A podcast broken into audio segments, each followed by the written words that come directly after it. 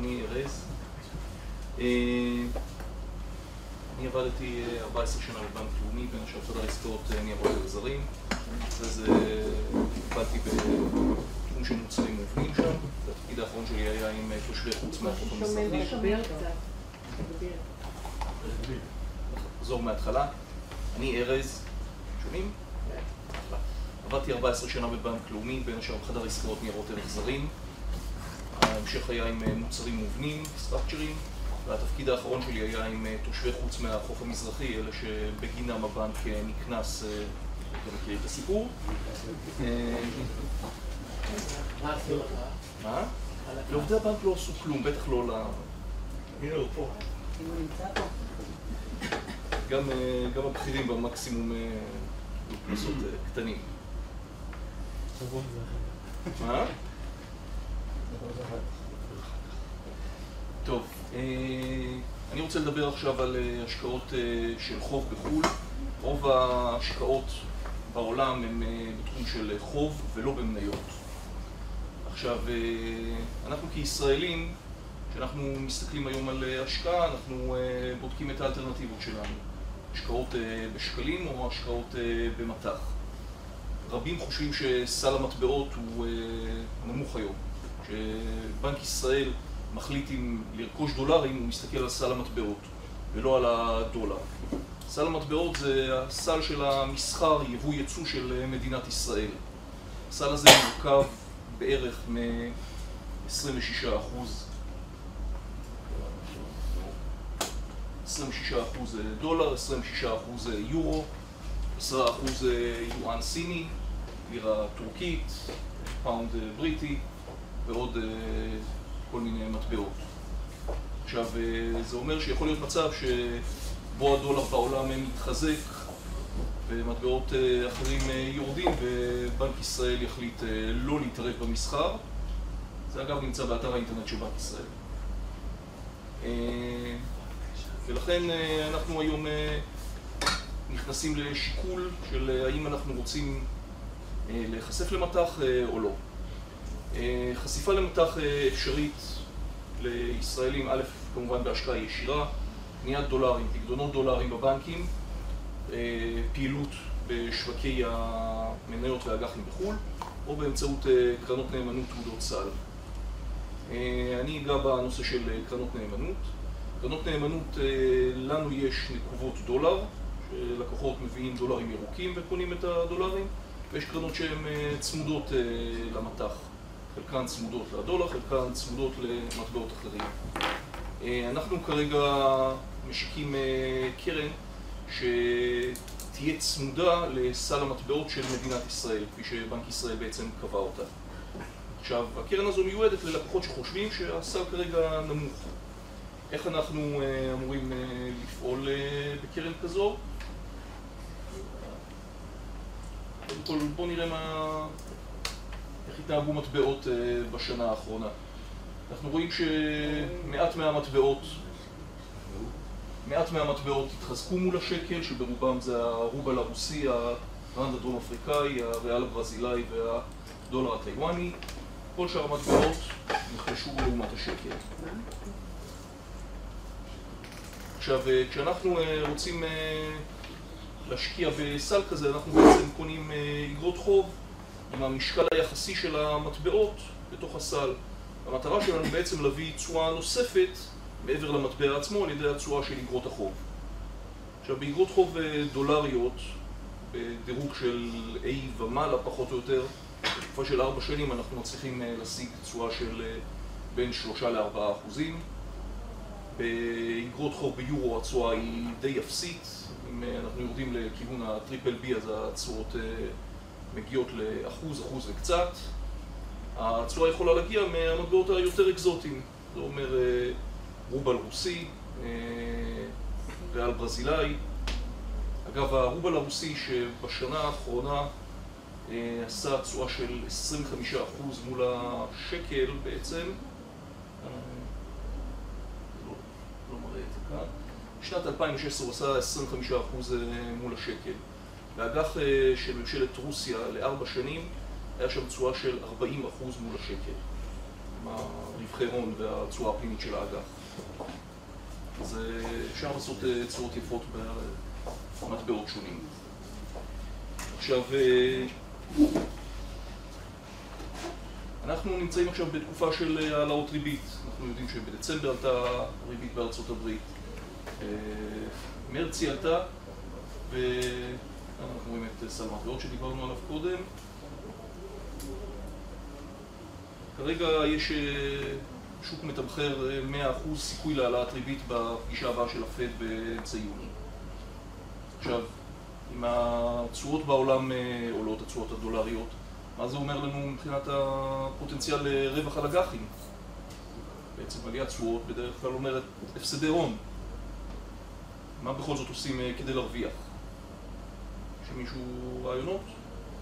אם הייתי קונה אג"ח בריבית משתנה, זה היה פותר לי את הבעיה? אז בשנה האחרונה, למרות שכל השוק תמחר את העלאות הריבית, אג"ח בריבית משתנה עשה תשואה של 0.2%.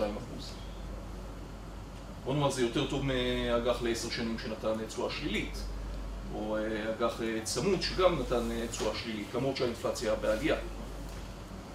אז הפתרון שלנו בעצם, כמו שאתם רואים, תשואות עולות, והפתרון בעצם להשיג אגרות חוב שייתנו לנו תשואה שוטפת גבוהה מהפסדי ההון שיהיו, שנובעות מהעלאת הריבית.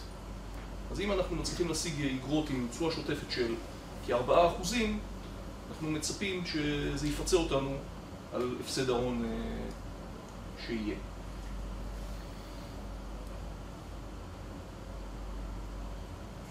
כאן אנחנו רואים ביורו ששם בכלל אין צפי לעליית ריבית בשנה הקרובה ושם באמת התשואות שואפות לאפס.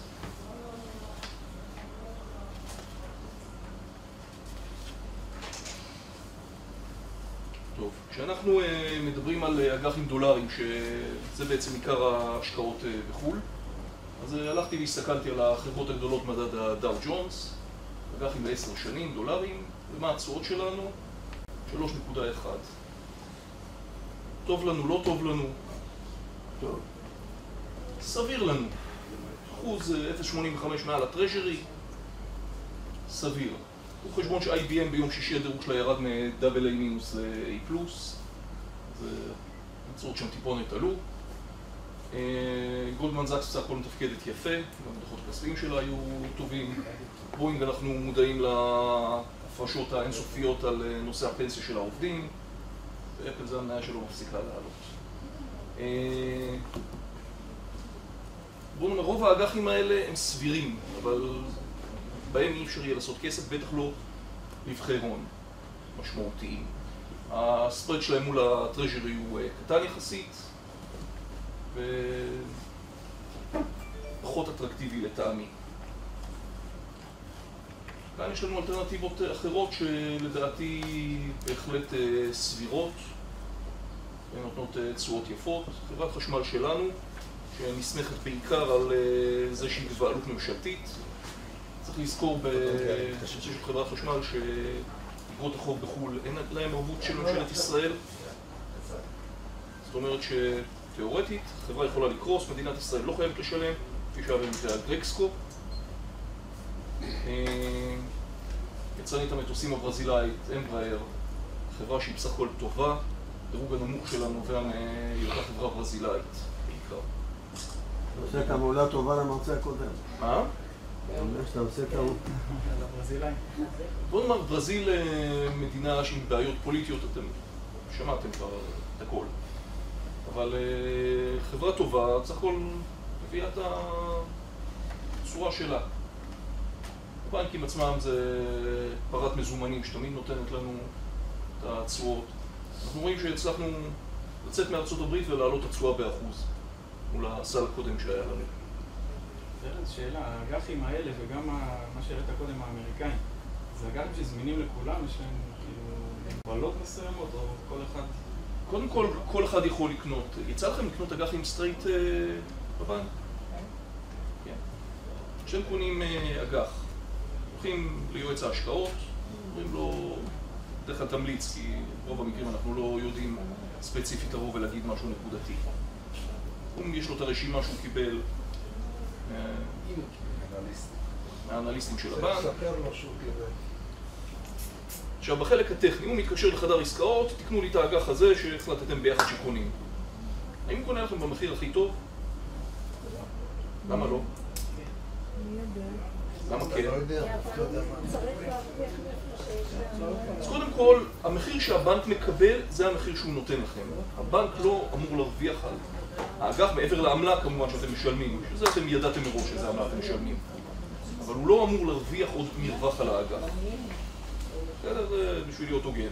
הייתי שם. אז לבנק אין אינטרס לדפוק אתכם במחיר של האג"ח. להפך.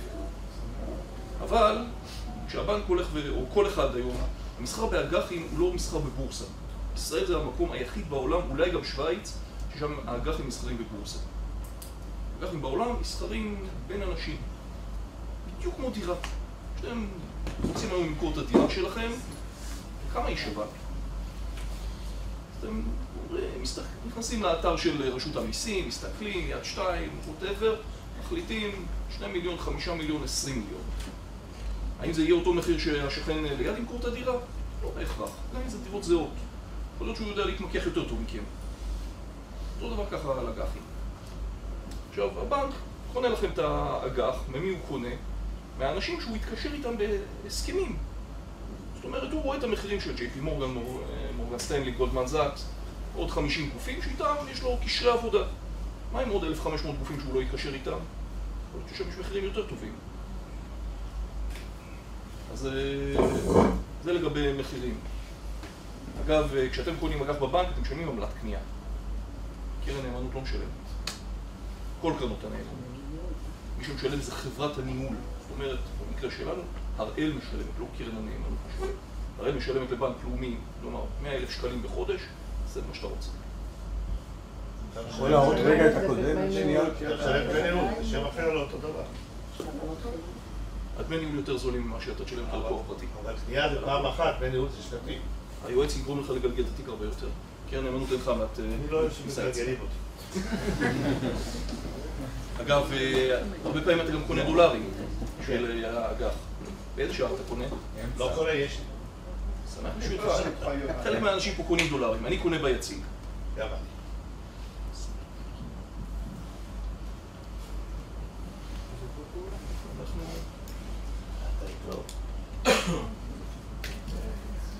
עכשיו אנחנו נלך אה, קצת אה, למטבעות. מה אנחנו יכולים להוציא במטבעות שאינן דולר? המדינות האירופאיות, בעיקר אה, יורו, פרנק שוויצרי וכולי, תשואות אה, נמוכות יחסית. בפמקס אנחנו כן מצליחים להוציא תשואה, א' כי זה עשר שנים, וב' כי זה פמקס, שזו חברת נפט שמתבססת על, כמו חברת חשמל שלנו, על זה שממשלת מקסיקו לא תיתן לה לפשוט הרגל. בסך הכל מחירי הנפט ירדו, מרמות של אה, 100 פלוס, לכיוון של 20 ומשהו, עלו ל-50 ומשהו, עכשיו 47. ו... ובמטבעות קצת יותר אה, מעניינים, יש אה, תשואות אה, בכלל לא רעות. כאשר ה-International Finance אה, זה סופרנשיונל, כבר המושג הזה. הבנק העולמי למשל, הבנק האירופאי לפיתוח, גופים כאלה שהם אה, בעצם הבנק העולמי בשליטה ומימון בעיקר של ארה"ב, הבנק האירופאי לפיתוח במימון בעיקר של גרמניה, ואז אה, בעצם כשיש ערבות של ממשלה יציבה, אנחנו מקבלים דירוג גבוה. ואפשר להסתכל על זה לא לחלוטין, כי אין דבר כזה חסר סיכון, גם לממשלת ארה"ב בדולר יש סיכון. אה, אז אנחנו רואים שאג"חים בדירוג אה, triple A, שהסיכון העיקרי זה המטבע של היואן הסיני, הרופי ההודי, או שהבנק האירופאי לפיתוח עם הלירה הטורקית והריאל הברזילאי, אז הסיכון שלנו הוא אה, בעיקר המטבע, שם אנחנו מצליחים לקבל תשואות יפות. במקרה של ממשלת אה, מקסיקו ורוסיה כמובן הדירוגים אה, נמוכים יותר, אבל אה, סיכון מטבע וסיכון מדינה בדרך כלל הולכים ביחד. זאת אומרת שמדינה יורדת גם המטבע שלה ייחלש.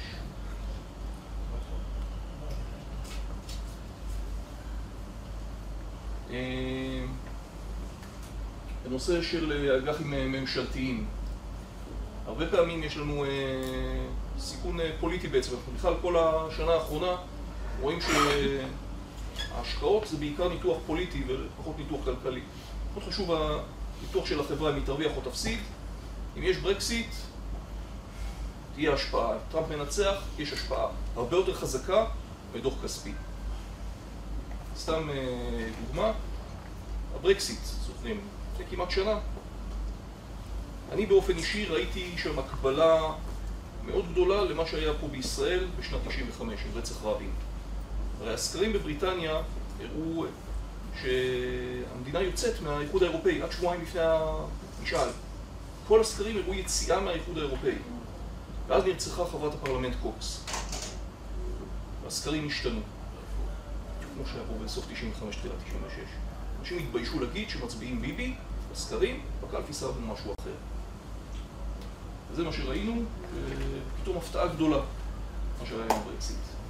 אז אה, מי שעשה שורט בנקים ערב לפני המשאל עם, תוך יומיים עשה 25% על הכסף שלו. מצרים זה דוגמה טובה לסיכון פוליטי. כרגע שסיסי נמצא שם בשלטון, בתפיסת עולמי, אה, הסיכון של המדינה נמוך מבחינת השקעה. גם ארצות הברית תדאג להעביר לשם כסף, הבנק העולמי העביר להם תמיכה מאוד מאוד נדיבה כדי לעזור להם. ואני כישראלי אני חושב שגם מדינת ישראל תתמוך בהם כלכלית כדי שהשלטון הנוכחי יישאר. אם מורסי יהיה, סיפור אחר לחלוטין. בשנייה יכולה להיות שם הפיכה, הפיכה צבאית. אז כל עוד אנחנו מודעים לסיכון ושמים את זה במשקל נכון בתיק שלנו, אג"ח שהונפק אה, לפני חודשיים עשה 10% מאז. כל כך דולרים. וזה בתקופה של עליית אה, תשואות יחסית בעולם. אה, שמתי כאן אה, את במדע של ממשלת ישראל, ארוך רק שיהיה לנו דוגמה לתשואות. בואו נלך קצת לסקטורים, איך אנחנו בוחרים היום, איפה אנחנו שמים את כספנו. בארבעת החודשים האחרונים יצרני הרכב דיווחו על ירידה במכירות. זאת אומרת, אנחנו רואים שהצמיחה שעליה היה כל השוק האמריקאי קצת נרגע. ומי מרוויח מכל זה?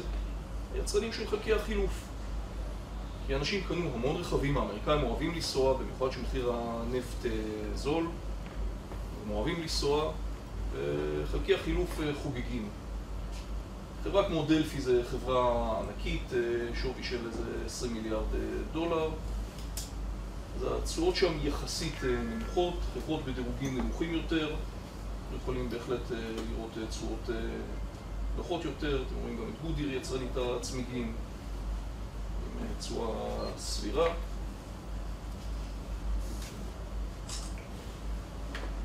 יצא לכם פעם להיכנס לחניון ולשכוח את הארנק? נכנסתם לחניון, שכחתם את הארנק בבית. מה קורה? יוצאים. לא יוצאים. קרה לי פעם. אשתי משלם. קרה לי פעם, יצאתי עם מונית למשרד להביא את הכסף. קיצור, שדה תעופה, אותו רעיון. מטוס נחת, לא שילם אגרה, לא ממריא. היה לנו מקרה כזה בארץ, סייפרוס איירווייז, לפני שנתיים, אני לא טועה. היו באיזה שלבים של פשיטת רגל, כמה שבועות חנה מטוס בשדה התעופה, אפשר היה לראות אותו מכביש אחד. היה לה את זה בפורטוגל לפני כמה שנים. מי שלא משלם לא ממריא. אז... אגב, כבישי אגרה זה דבר נוסף, אבל כמובן אתה תלוי בנפח תעבורה שיהיה. אבל מי שנכנס משלם, אין את הספק בזה. שדות תעופה גם לטובת מחזיקי האגף משעבדים את אגרות שדה התעופה. אם היינו לוקחים את רשות שדות התעופה שלנו, זה אגרות הנוסע, זה התשלומים של ג'יימס ריצ'רדסון, כל מה שנכנס. היום גם המוניות שמדברים על זה. לא חסר מה רשות שדות תעופה גובה. משעבדים את ההכנסות האלה לטובת מחזיקי האג"ח.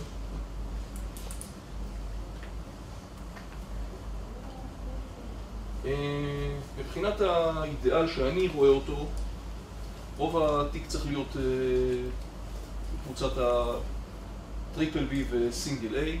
ברגע שאנחנו עולים למעלה אנחנו כבר מתקרבים לממשלתי.